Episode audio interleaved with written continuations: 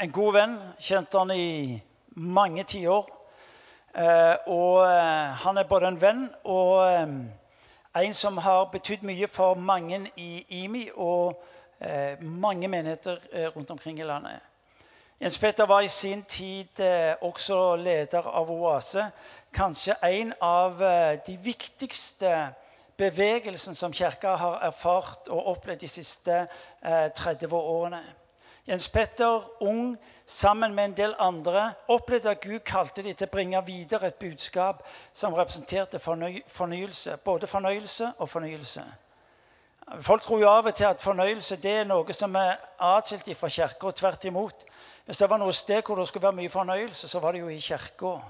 Eh, Jens Petter og meg sammen med våre familier har altså fått lov gjennom mange år å se hvordan Gud griper inn og berører liv at han nå har tid til å komme og besøke oss igjen. Han skulle vært der i fjor og i forfjor, men pga. sykdom så stoppa det opp. Men nå er han her, og vi er utrolig takknemlige. Så Jens Peter, eh, takk skal du ha fordi du kommer.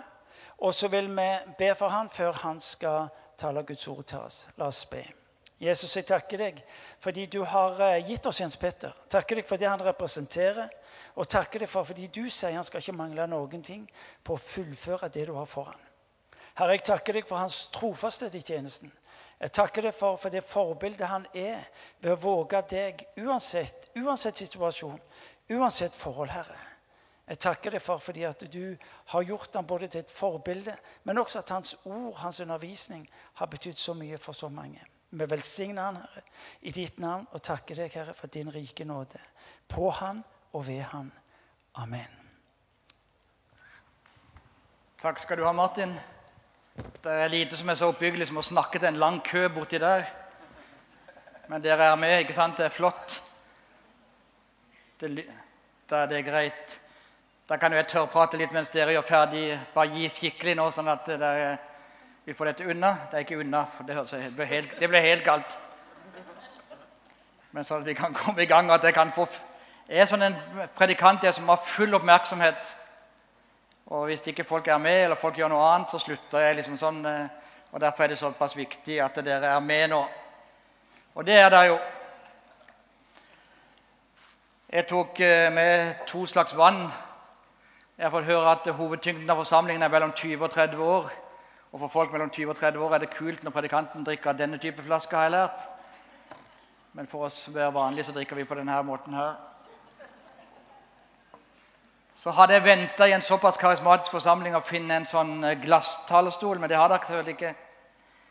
Og hvis disse karismatiske møtene med sånne karismatiske talerstoler blir sterke nok, så har jeg hørt at eh, det vannet som begynner som vann, det blir vin etter hvert. Men da har vel, da har vi prøvd, da har vi prøvd å unngå det, tenker jeg, så det er fint. Det er kjempehyggelig å være tilbake igjen i uh, Ime kirke. Jeg skulle som sagt ha vært her både for to år siden og tre år siden, og det gikk ikke. Jeg var her i fjor og hadde et eh, flott seminar, syns jeg sjøl iallfall, inne i kapellet hvor det var sprengfullt, og vi snakka om ærlighetsteologi. Og nå er jeg altså tilbake. Og i kveld har jeg faktisk tenkt å dele det som jeg hadde bestemt meg for å dele for tre år siden, og det jeg hadde bestemt å dele for to år siden. Jeg har altså holdt noen taler innimellom men det er det som jeg hadde tenkt å tale om da, for det opplevde at det fikk jeg til uh, Imi kirka den gangen der. Og så spurte jeg Gud hva er det du, du vil jeg skal si denne søndagen her. Og så sa han si det samme som du hadde tenkt å si, og som du fikk av meg for tre år siden og for to år siden. Så det skal jeg gjøre. Det er eh, Takk, Martin, for gode ord. Martin var altså når jeg starta, og det er jo veldig mange år siden når jeg starta som lærer på bibelskolen i Staffels gate, det som nå heter Høgskolen NLA, da var altså Martin eh, på det aller første kullet blant mine aller første studenter. Eh, Martin var altså en, eh, en, student på den tida som var like gammel som læreren sin. Bare så det er sagt. Og når jeg starta 20 år etter som lærer, 20 år etter som lærer på Ansgar-skolen i Kristiansand så var altså Øystein Øvergaard på første kullet. Så det er blitt veldig mye bra, de der første kullene mine. Det er flott med lovsangen Øystein og alt det der står for, og det du står for. Og så har jeg fulgt denne menigheten ganske tett fra 19, eh, slutten av 70-tallet og fram til i dag. Fra at det var en liten gruppe av litt sånn desillusjonerte, mismodige pensjonister. Og så inn blant disse desillusjonerte pensjonistene så kom det en virkelig gruppe av Thomas-gruppa, som de het, som var evangeliseringsgruppa. Og det ble dynamitt med de der gamle og de, der unge sammen. Og så fra den lille starten der og så fram til, dette i dag. Og det er sånn at Når jeg reiser rundt, som jeg gjør stadig vekk hele tida, så ser folk hen til uh, Ime kirke og tror jo at det har vært så stort og så mye alltid. Og Jeg prøver å fortelle dem ganske ettertrykkelig hvordan det er bygd, stein på stein, hvordan det har vært utholdenhet, hvordan en har holdt fast ved visjonen under alle forhold. Og Det har søren ikke bare vært festdager, Martin, det har vært uh, andre dager også. Og dere har holdt ut og vært trofaste, og dere ser hvordan Gud har velsigna dette. Jeg takker Gud for dere og beundrer eh, det dere, du og Irene og alle deres medarbeidere har stått for i alle disse åra. Dere er et eksempel til etterfølgelse for oss, veldig mange av oss rundt om i landet.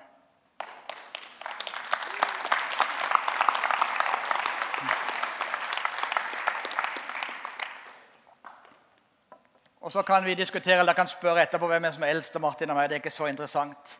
Men vi er gamle begge to. Det er hovedsaken. Og det som er saken, det er at jeg har opplevd at nå har jeg vært predikant i, i alle fall i 45 år og snart 50 år.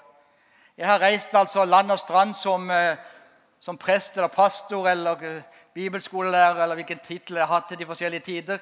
Jeg har reist rundt om i hele landet. Det er litt underlig når jeg nå er midt i 60-åra og ser tilbake. For fra begynnelsen så var jeg for ung til alt jeg gjorde.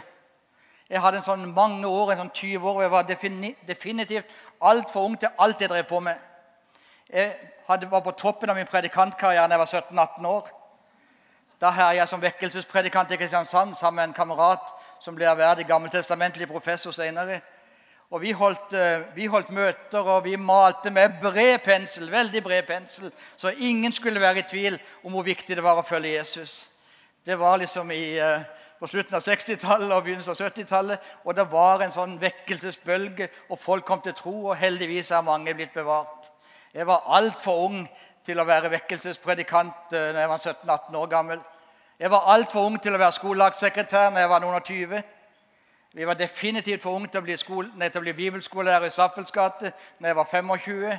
Og jeg var i alle fall, og det er det ingen tvil om, var, vi var i alle fall for unge til å starte oasebevegelsen når de fleste av oss var under 30 år gamle. Når jeg ser på min sønn og snakker med min sønn som er 27 år, og ser hvor umoden han er, så tenker jeg at dette var jo galskap.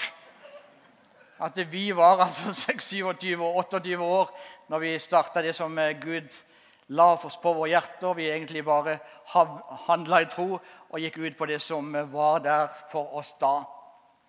Og som siden er blitt en stor bevegelse som jeg ikke skal kommentere mer nå. Nå har det altså bikka både 40 og 50 og 60, og nå reiser jeg rundt og forteller hva livet har lært meg. Det er liksom en helt annen greie. Og Det er noe av det jeg faktisk skal gjøre i dag, og det er ikke bare en sånn fleip når jeg sier det. Når jeg sier at jeg skal si noe om hva livet har lært meg, så er det fordi at jeg har hatt det store privilegium i min tjeneste at jeg får lov til, som luthersk, som luthersk pastor og lutheraner, så jeg får lov til å reise rundt og bli berika av hele bredden i norsk kirkeliv. Jeg ser at blir, Jo eldre jeg blir, jo mer lutheraner blir jeg. Og samtidig så opplever jeg at det er mer og mer å hente i alle de andre tradisjonene hos de andre kristne. Det er altså så mye som kan berike mitt liv og berike min tjeneste i hele bredden av kristenlivet. Og Derfor når jeg reiser rundt 35-40 helger i året, det er faktisk en del, og jeg er innom de fleste forsamlingene jeg sveiper over landet, så oppdager jeg plutselig at formen kan være veldig forskjellig. Jeg er innom litt sånn friske pinsekarismatiske møter. Hvor jeg er som dere merker allerede nå, så er jeg både sørlending og litt sånn black preacher. Så jeg ønsker litt sånn jeg kunne få et halleluja og et litt amen. Øystein, hvor er du? Det er fint. Jeg venter liksom litt et, både et halleluja og litt amen. Sånn det synes jeg er noe av det, det er kjempekjekt når jeg får det på møtene. Det ser ut som det blir begrensa med det her i kveld, men, men det er greit. Så er det også sånn at uh, jeg møter noen folk som sier 'Jesus' både med og uten nasal. Du har disse folkene som eh, ynder å si 'Jesus'. Og så har du alle de andre som sier bare 'Jesus' på vanlig måte. Og så har du jo noen som eh, kommer og smeller til sånn litt uten videre med et 'halleluja'. Halleluja! Men jeg må nok innrømme helt åpen for dere hvis det skal være en liten bekjennelse, at jeg er nok mest sammen med mennesker hvor det trengs fire-fem stykker for å spleise på et halleluja. Det er greit. Det jeg har oppdaga Formen er forskjellig. Møtestilen er forskjellig. Definitivt forskjellig her fra en eh, møte som var på i forrige uke. Eh, innholdet er forskjellig. Teologien kan til og med være forskjellig. Men det jeg oppdager mer og mer, det er at det samme hva slags form vi har, og uttrykk vi driver på med i troen vår, så er det én ting som er den store utfordringen og den store vanskeligheten, og det vi strever med alle sammen. Om vi er påskevenner eller pinsevenner, om vi er lutheranere, baptister, metodister, eller hvilken form vi enn har, så er det noe vi sliter med, noe vi utfordres av, alle sammen. Og det er det som er det viktigste, egentlig. Det er det vanskeligste for oss. Og det blir også salderingsposten både i våre liv og i våre tjenester. Og hva er det jeg snakker med, om? Det som er problemet i karismatiske menigheter. Det som er problemet på bedehuset. Det som er problemet i pinsebevegelsen. Det som er problemet i husfellesskapene, det er at det er så mye lettere for de aller fleste av oss aktive kristne å være aktive og drive på med alle slags aktiviteter og holde i gang alle slags opplegg og rusjer fra uke til uke og få tingene unna. Og det er jo ikke noe galt i det i og for seg eller mene sterke ting og ha sterke synspunkter både på strategi og teologi og kirkesyn og hva det måtte være. Og alt det er greit, og alt det er viktig så langt det rekker. Men det vi mister, og det vi glemmer, det er at det aller viktigste er ikke dette. Verken aktivitetene eller meningene våre, diskusjonene våre eller det heseblesende løpet fra det ene til det andre. Det som er det viktigste for oss, og som er utgangspunktet og grunnlaget for disse aktivitetene og for meningene, det er den personlige relasjonen til Jesus Kristus. Og der er det vi sliter, der er det vi utfordres. Uansett hva slags karismatisk merkelapp det måtte være på oss, uansett hvor høykirkelig vi måtte være, uansett om vi måtte være sånn eller sånn, så sliter vi alle sammen med å pleie den personlige relasjonen med Kristus. Og det kan bli skjebnesvangert, folkens. For det er jo den relasjonen som er kilden til all vekst det er jo den relasjonen som er kilden til all modning, til all utvikling, til all fornyelse, til all vekkelse, om du vil. Og Så kan vi altså holde på med aktivitetene til vi krampa tar oss, eller meningene. og Det er ikke noe galt i verken meninger eller aktiviteter. Men hvis ikke det springer fram av en relasjon og av et liv, tett liv med Jesus Kristus, så blir vi utvendige, vi blir aktivistiske, vi blir loviske. Og så mister vi det som er som vi skulle skape, og som skulle være resultatet av våre liv og våre tjenester, nemlig åndens frukt og Jesu nerve. Og Derfor er det så viktig. Og Derfor fikk jeg det kallet. Jeg har fått sagt, talt om det i mange forskjellige sammenhenger.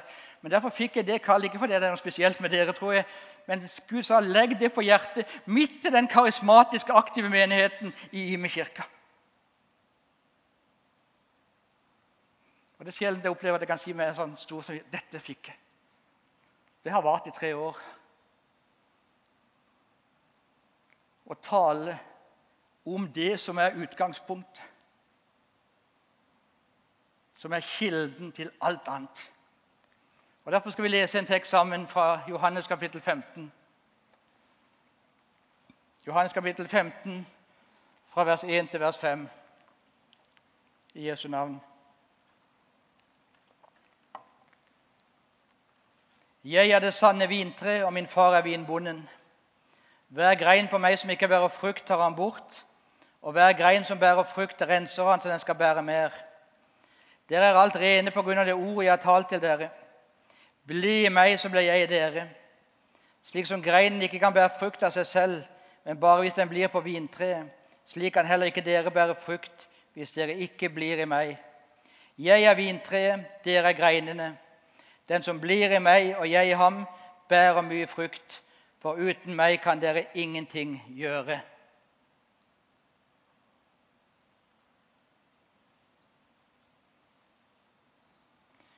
Vi ser ut fra denne teksten, som er en av de kjæreste tekstene for meg i Det nye testamentet Hvis jeg ut fra denne teksten skulle si bare med ett ord eller få ord hva er kristendom, eller hva er kristen tro, så vil jeg svare følgende Kristendom og kristen tro i ett eneste ord. Og Få med deg det fra denne søndagskvelden i Imekirka. Kristendom og kristen tro i ett eneste ord er livssamfunn. Alt kan kokes ned til det ene ordet. Kristendom, kristen tro, er livssamfunn. Legg merke til de sterke uttrykkene som er brukt i den teksten. Vintre og grenene. Uttrykk for det tette, det nære, det organiske, det levende. Det er det samme bildet som Paulus bruker i 1. Korinterbrev 12 når han snakker om legem og lemmene. Den samme organiske tingen. Dette tette, dette nære, dette livgivende. Kristendom og kristen tro er i sitt dypeste vesen livssamfunn. Jeg har formulert det litt De siste årene har jeg prøvd å si det litt sånn tabloid, men jeg tror jeg har et viktig poeng når jeg sier følgende. Folkens, tro staves relasjon. Ja, Jeg er ikke så dårlig i norsk at jeg vet at det, det er ikke helt sant. Men tro staves relasjon. Troen er i sitt dypeste vesen relasjon. Gud er relasjonell. Gud er ingen idé. Gud er ingen, først og fremst ingen idé. Gud er ikke en abstraksjon. Gud er en person som ønsker relasjon. Og hele troens vesen er relasjonell. Gud vil relasjon med oss mennesker. Han vil at vi skal ha en god relasjon til oss sjøl, og han vil at det skal være gode relasjoner mellom oss og de andre. Troen staves relasjon. Tro er i sitt vesen livssamfunn og relasjon. Og Dette er vi nødt til å holde fast ved. Og Det er nødt til å være utgangspunktet for alt det vi skal snakke videre om. Tro er livssamfunn, og tro er relasjon. Og Hvis det er sant at tro er livssamfunn og tro er relasjon, så blir jo det det viktigste. For det er ut fra dette livssamfunnet og ut fra denne relasjonen at alt livet springer fram.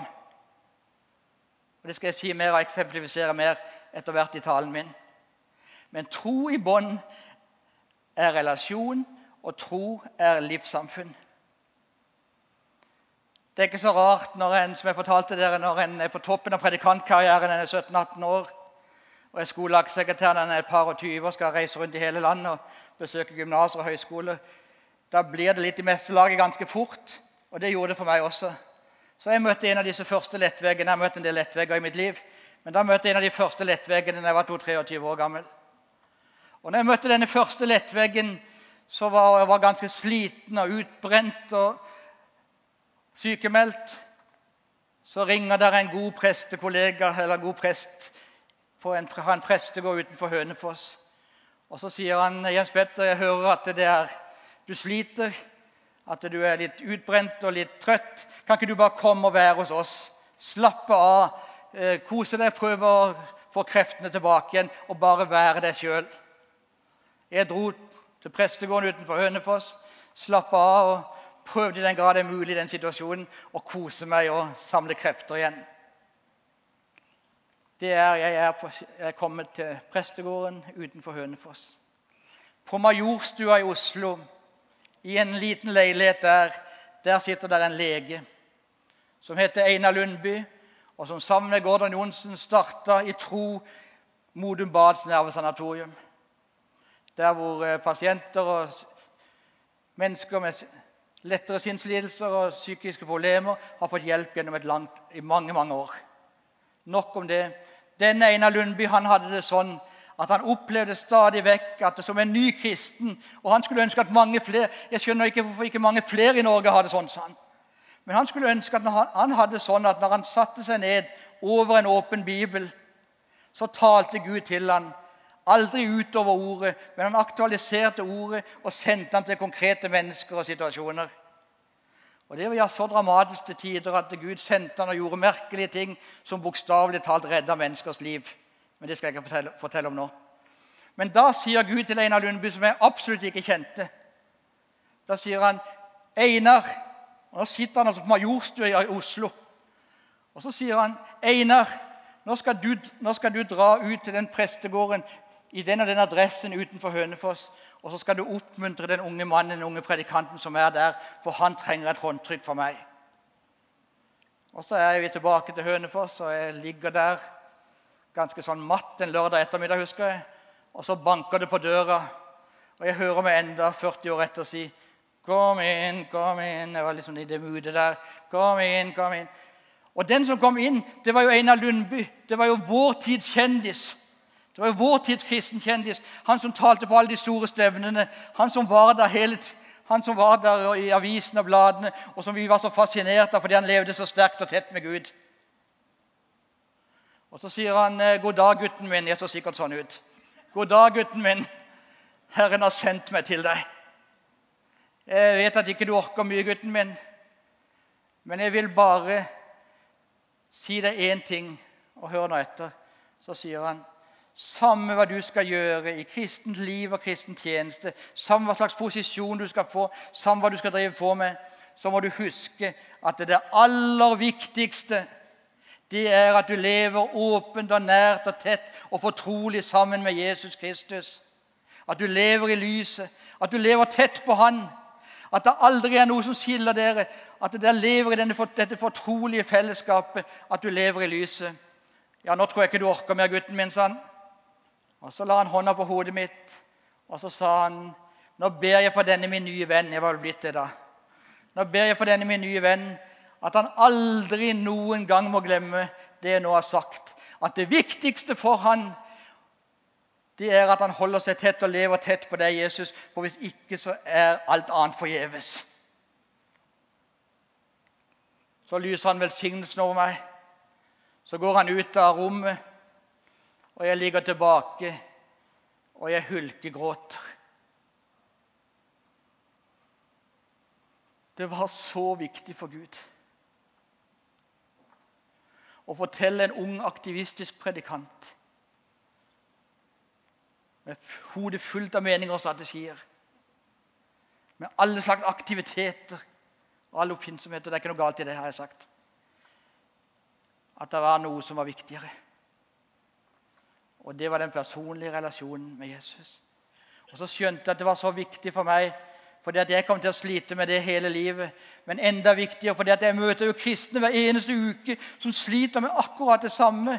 Jesus inviterer oss. Det er jo det han lengter etter. Det er jo det hans hjerte er fullt av å få leve tett sammen med oss. Men fra vår side og fra min side så er det så vanskelig.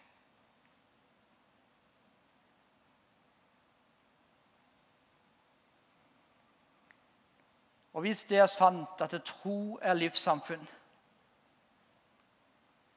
så er det med dette livet som med alt annet liv at det må vokse og utvikle seg om det ikke skal stagnere og dø. Og Derfor har jeg lyst til å slå den spikeren også. Jeg skal slå en tre-fire spikere i kveld. Da har jeg lyst til å slå den spikeren også. At det Gud ønsker, kjære venner i Imi kirke denne søndagskvelden, det Gud ønsker og lengter etter å se i våre liv, det er vekst og utvikling og modning. Det Gud lengter etter å se i våre liv, det er vekst og utvikling og modning. Det som de gamle og som Bibelen kaller helliggjørelse.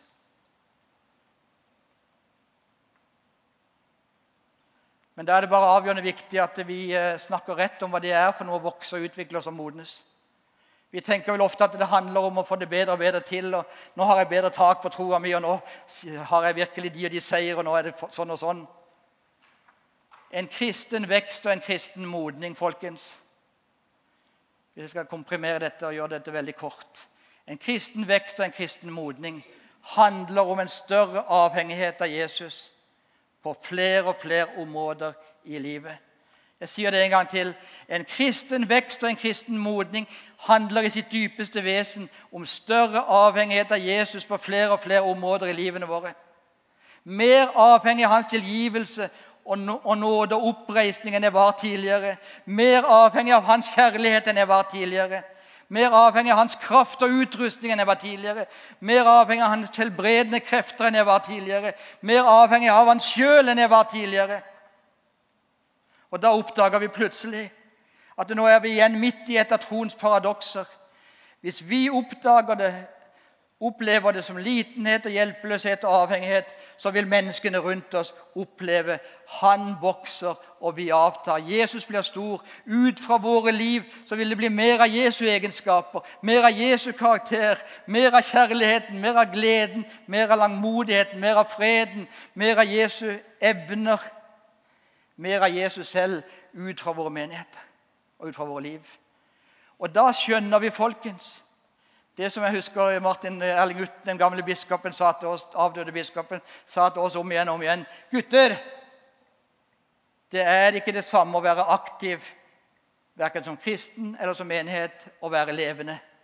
En aktiv menighet er ikke nødvendigvis en levende menighet. En aktiv kristen er ikke nødvendigvis en levende kristen. For parameteret for om en vokser, er altså ikke flere folk på møtene primært. Det er jo kjempeflott om det kommer flere folk på møtene. Parameteret for om vi vokser som kristne, er jo, mer, er jo ikke høyere budsjetter. Selv om det er veldig bra om det blir mer vi får inn mer penger så vi kan komme lenger. Men det er ikke parameter, de virkelige parameterne. De virkelige parameterne er gjennom alt det som skjer i mitt liv og i vårt fellesskap og vår menighet, blir vi mer avhengig av Jesus. For hvis vi blir mer avhengig av Jesus, og får mer og mer bruk for han, så vil hans liv i større og større grad avspeile seg ut fra vår menighet, ut fra våre familier, ut fra våre liv. Og Det er to helt forskjellige ting. Fra en kristen aktivisme som holder på å ta livet av oss, og en frukt og et liv som vokser fram innenfra. Og Da er vi selvfølgelig kommet til 10 000 kroner-spørsmålet. Og det er hvordan i alle dager skjer det? At, vi, han, at vi, han vokser, og vi avtar. Hvordan skjer denne veksten, som er så avgjørende viktig? At når vi møter noen mennesker, så ser vi at her er det forekommet av vekst. Ikke fordi de er mer aktive, ikke fordi de snakker mer og har flere ord, men fordi at de i hele sitt liv er blitt mer avhengig av Jesus og klynger seg til han, kaster seg på han med alle ting og alle sider.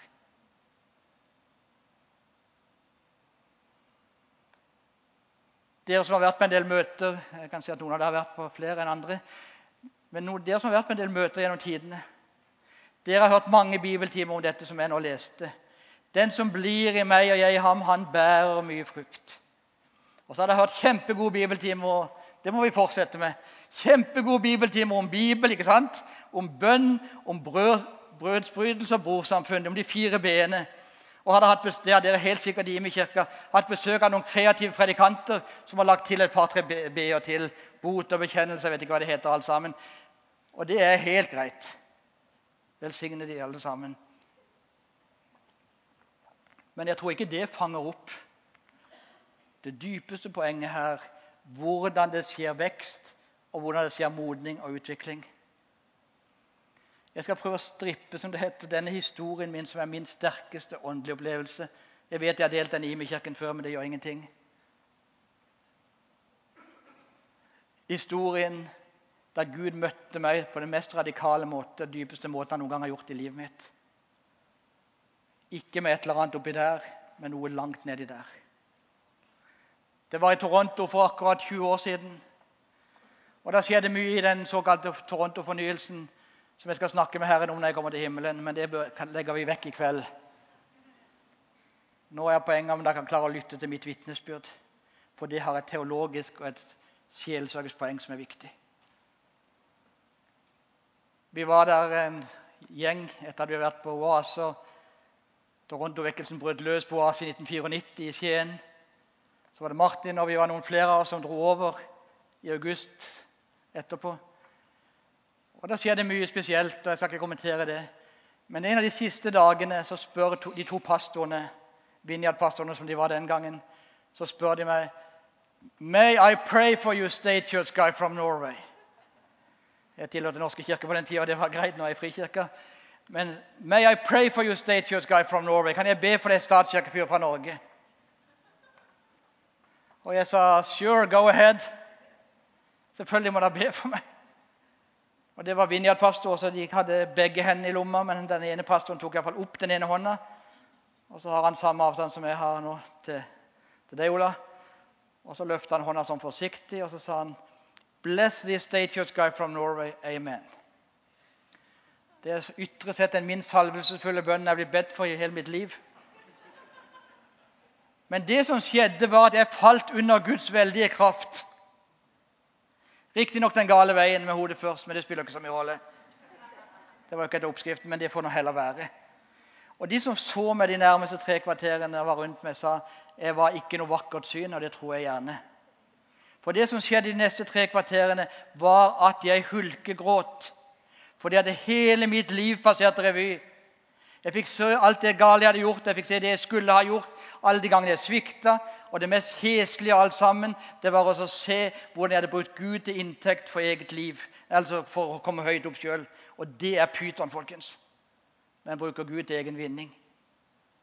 Og etter 40-45 minutter så sier de som står rundt meg, at jeg ropte Gå fra meg, Gud, jeg kan, jeg kan ikke ha noe med deg å gjøre. Og I det øyeblikket jeg sier 'gå fra meg, Gud, jeg kan ikke ha noe med det å gjøre', så står Jesus foran meg med sine utstrakte hender, med sine milde øyne, med sitt milde ansikt, med sin kappe. Og så har jeg en sånn klar visjon, og her står han foran meg og hører han snakke. Og så sier han, 'Frykt ikke, Jens Petter. Det er Jesus. Det er vennen din. Det er frelseren din. Det er Herren din. Det er Jesus.' Og så sier han noe merkelig som jeg ikke hadde venta han ville starte opp med. i alle fall. Så sier han først av alt vil jeg takke deg for tjenesten i mitt rike. Det var ikke det jeg hadde venta å høre akkurat da. Men så kommer det, og nå er vi ved hele kjernen av mitt budskap denne kvelden. Så kommer det. Om du ikke hadde bedt en bønn Om du ikke hadde lest et vers i min bok. Det betyr ikke at vi ikke skal gjøre det. Om du ikke hadde hatt en nådegave i funksjon, om du ikke hadde vunnet et menneske for meg, så elsker jeg deg for min egen skyld. Da brast alt. Folkens, det er kjærlighet. Jeg som hadde prøvd å være snill gutt og flink gutt og kristen gutt og ivrig gutt og alt sammen. Så skjønte jeg plutselig det handla jo ikke om meg, det handla om han. Og Dere som kjenner meg, vet at jeg er en undermiddels sanger.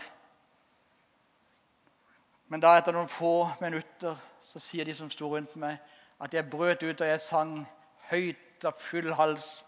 Jeg elsker deg, Jesus. 'Jeg vet du er min'. Hvordan kunne jeg si det? Fordi det var en som elska meg først. Og idet Jesus-personen er i ferd med å forsvinne fra horisonten og bli borte for meg, så hører jeg Jesus si Det det handler om, det er å la seg elske og la seg elske og atter igjen la seg elske. Og så forsvant Jesus i den forstand bort fra horisonten min. Det det handler om, folkens, det er å la seg elske og la seg elske og la seg elske sønder og sammen. Og Jeg tror at vi trenger Den hellige ånd, og jeg er glad for det som skjer her i denne menigheten. Vi trenger Den hellige ånd til helbredelse, til, til utdrivelse. Vi trenger Den hellige ånd til oppreisning og forvandling og alt sammen. Men vi trenger forsyn med i bånd den hellige ånd til å hjelpe oss til å ta imot. De fleste av oss er sånn skrudd sammen at det er mye lettere for oss å gi. Det er mye lettere for oss å prestere, det er mye lettere for oss å dele ut kjærlighet enn å ta imot.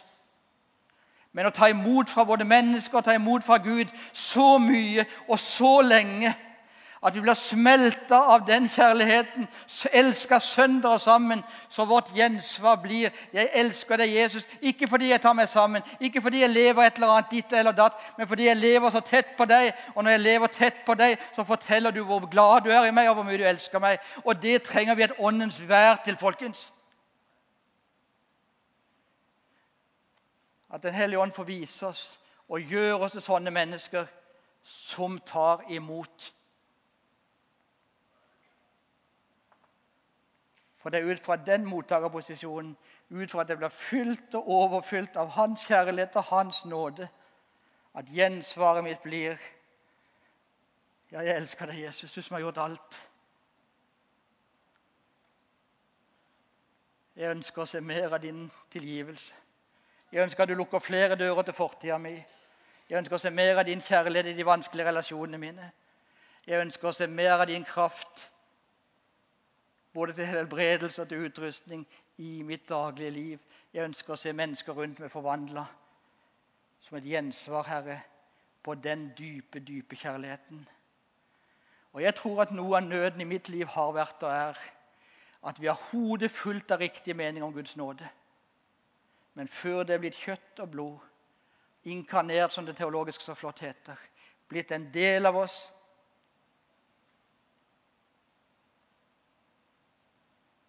Så blir dette stykkevis. Og Det kan det være det vil bli hele livet, men vi trenger å komme et lite stykke videre ved Helligåndens hjelp. Og så har jeg sagt veldig sterkt og Jeg håper at jeg har klart å formidle så langt i preken min at det som ligger på Jesu Kristi hjerte for denne menigheten og for alle menigheter, for dere denne kvelden her, det er at Jesus ønsker å komme tettere på dere. Inn i et enda sterkere fortrolig fellesskap hvor vi får lov til å ta imot og gå disse nye skrittene som vi har hørt i kveld, med Han. Og Nå høres det ut som jeg gjør en rask overgang. Jeg gjør ikke det, for dette henger sammen. Men når jeg har snakka så sterkt som jeg har gjort i kveld, og vært såpass pågående som jeg har vært i kveld, og snakka om betydningen at det egentlig handler om tro, det handler om relasjon, det handler om fellesskap og det handler om livssamfunn, så er jeg nødt til å si, å si at Gud ønsker Gud. Jesus lengter for hver eneste en av oss.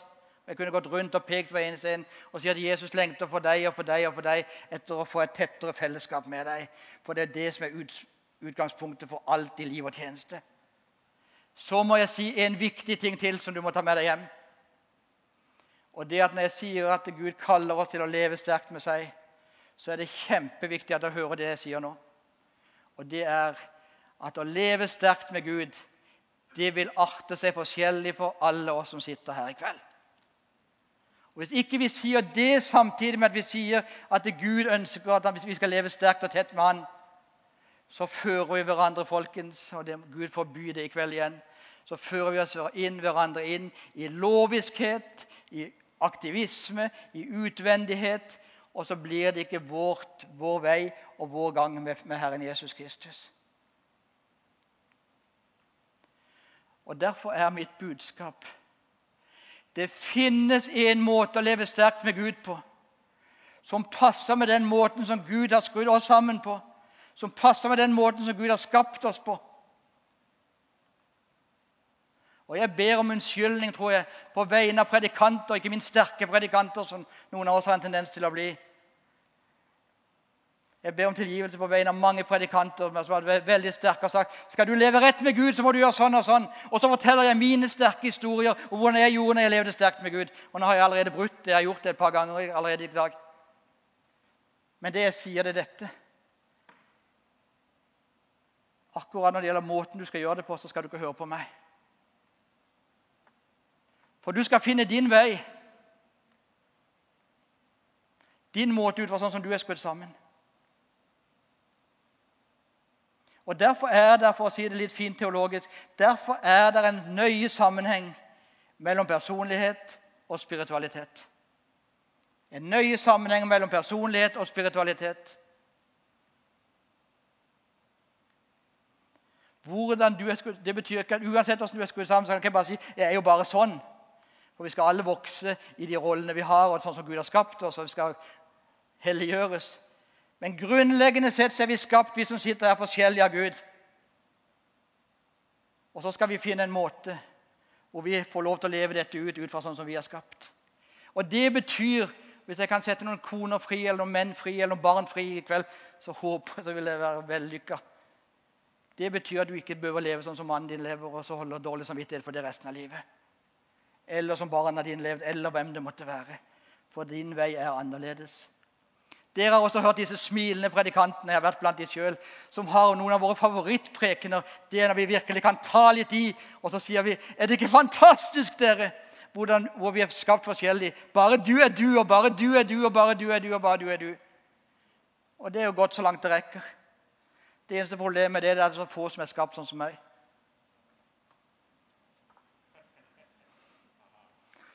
Fordi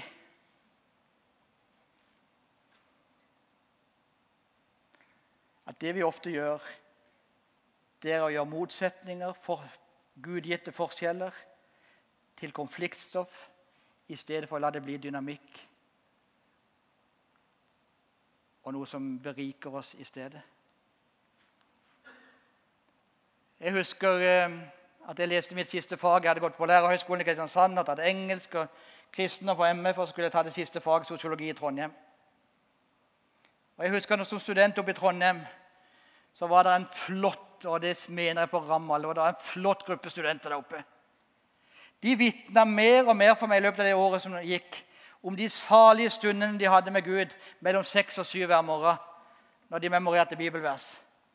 Jo mer de memorerte mellom seks og syv om morgenen, bibelvers, jo saligere ble de. Og jeg tenkte, jo, jo saligere de blir, jo mindre kristen kjenner jeg meg som. Huff. Og de kunne det ut og inn. og de ble...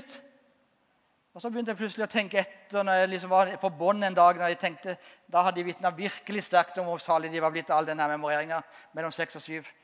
For det første tenkte jeg at tidspunktet mellom seks og syv det er et tidspunkt jeg bare har lest om. Det er et tidspunkt jeg bare kjenner fra litteraturen. Det har jeg ikke noe personlig forhold til sjøl. Jeg studerte tross alt sosiologi og så var samfunnsviter. Vi står ikke opp klokka seks. Det de skulle gjøre, det det hele den gjengen skulle De skulle bli sivilingeniører, og Gud velsigne alle sivilingeniører. Men sivilingeniører de er jo skrudd sammen sånn i huet. De elsker jo å memorere. De elsker jo systemene. Og det er jo ikke noe galt i det. Men det blir jo steingalt når alle vi andre skal holde på på det viset. Tar det poenget? Ja, Tegdaren, som det heter på dette språket borti her. Tok du den? Ja, fint. Tre stykker gjorde det. Da tar jeg et eksempel til bare for å vise hva jeg egentlig mener. Når jeg leda Oase i alle disse årene, og vi hadde hatt noen salige sånn, lovsangstunder sånn som vi hadde nå, Øystein Og det er nydelig. Da kommer det alltid fram en åtte-ti machomenn etterpå til meg. Og jeg vet fra mitt liv fungerer sånn, det fungerer sånn, har jeg alltid gjort det i livet, at hvis folk er sinte på meg, så kaller de meg Jørgensen. Hvis ikke, så kaller de meg Jens Petter. Og da sier de til meg det kommer de sånn litt sånn veldig macho gutter. Så kommer de frem og så sier de 'Jørgensen'. Da skjønner jeg, tar alltid et skritt tilbake. Så skjønner jeg nå er det noe viktig de har på hjertet. Og det de da sier til meg, det er dette. Hvor lenge skal vi holde på å synge disse ordene om igjen og om igjen? Hvor deilig du er, Jesus. Og underbar, Jesus. Du er den skjønneste av alle, Jesus. Det er så fantastisk å være på ditt fang, Jesus. Filler, nå skal det være skikkelig vennskap med Jesus. Så skal det ikke være på den måten der. Skal du og meg ha et ordentlig vennskap, Martin, så jeg si du er så deilig, Martin, og det er så fantastisk, og du er den skjønneste av alle, Martin. Det vil jo bli galt på alle måter. For å si det mildt.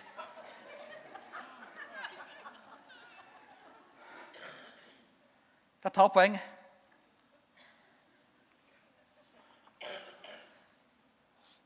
Så finnes det en måte å leve sterkt med Gud på som samsvarer med min personlighet. Og Jeg sier det, proklamerer det, jeg har sagt, proklamerer det i formiddag, proklamerer det igjen. Det finnes bare én vei til Gud. Og Det er vi nødt til å si i en postmoderne tid hvor alt dette rokkes, også innen kirka vår. Det finnes bare én vei til Gud, og han heter Jesus. Men det finnes mange, mange, mange, mange veier til Jesu hjerte. Det finnes bare én vei til Gud, og han heter Jesus. Men det finnes mange veier til Jesu hjerte. Og For noen vil den veien til Jesu hjerte være fellesskapets vei. Der skjønner jeg at det ikke er noen atlet om morgenen. Det er ikke da jeg har mine salige stunder. Men hvis jeg kan få lov til å be sammen med noen folk, hvis jeg kan få lov til å dele Guds ord sammen med folk, være i et fellesskap, da kjenner jeg at jeg virkelig kommer nær Jesus. Noen har det lovsang, gjennom lovsangen og tilbedelsen. Noen må ha et Guds ord eller må forstå det som står i bibelteksten, for å virkelig leve tett på Jesus og ha orden på dette her. Jeg husker enda salig Anders Jørgen Bjørndalen, som var læreren vår på MF. Han underviste i Det gamle testamentet. Og han var det er ikke baktals, han er død, selv om han er død, han var relativt tørr. Og når han underviser Det gamle testamentet, så kasta han stort sett perler for svin når andre på å undervise oss. Men en dag så kom han inn i klasserommet eller i auditoriet. Og Da oppførte han seg som en sånn uh, nyomvendt mann fra evangeliesentrene. Da kjenner de som har virkelig fått noe nytt. Og det han med iver og glød fortalte oss i to timer Jeg gjentar at han kasta perler for svin, men det han gjorde, og vi lo av han i dag den gangen, og jeg har respektert det enormt siden angra det at jeg gjorde det. Det han gjorde, det var at han hadde funnet det var to tødler i den hebraiske teksten som han hadde fått til å gå opp. Og det gjorde Jesus så stor for han. At han kunne nesten danse og juble, og vi andre lo oss fillete. Hva er det jeg prøver å si? Prøv å hjelpe hverandre. Hvordan kan denne forskjelligheten bli til dynamikk? Og ikke til konflikt, som det alltid blir. Og så er det sånn at Gud også har en måte å leve tett med Han på som passer til personligheten vår. Og Så får vi finne den, og så får vi, sette, så får vi leve på den, og så må vi sette de andre fri til å være dere på deres måte. Barna fri, ektefellen fri, foreldrene fri, de andre i menigheten fri. Og så er det også en tjeneste, en nådegave, en pasjon, en lidenskap som Gud har lagt ned i oss alle sammen for å tjene. Og Hvis ikke det blir gjort av oss, så blir det ikke gjort, for Gud har lagt dette inn i våre liv. Å finne den plassen er det rikeste av alt i denne tilværelsen. Det er bare én ting jeg har lyst til å be for, folkens. Så kan det være vel forbønn, som det pleier å være her i menigheten. Men det er én ting som jeg har fått, og som hørte med til den pakka jeg fikk for tre år siden jeg har fått til denne menigheten.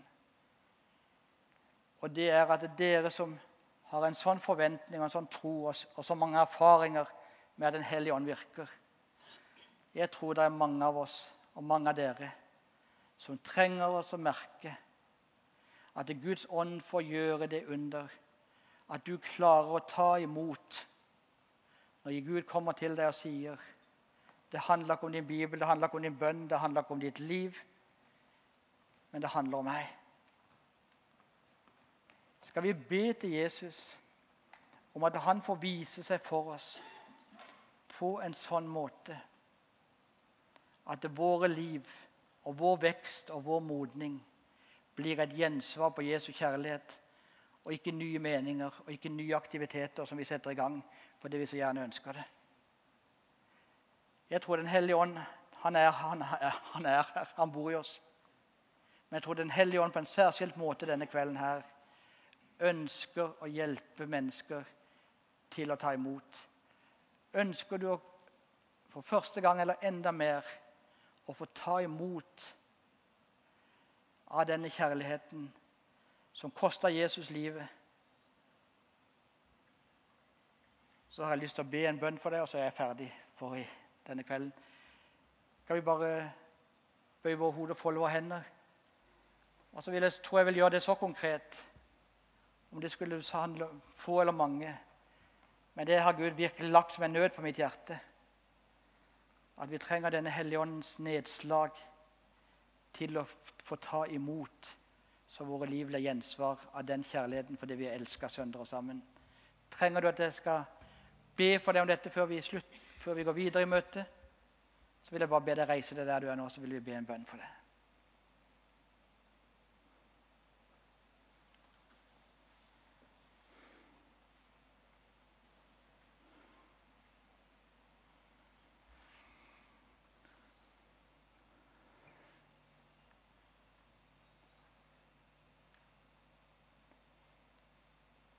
Hellige Ånd, du som ved dåp og tro har tatt bolig i våre hjerter.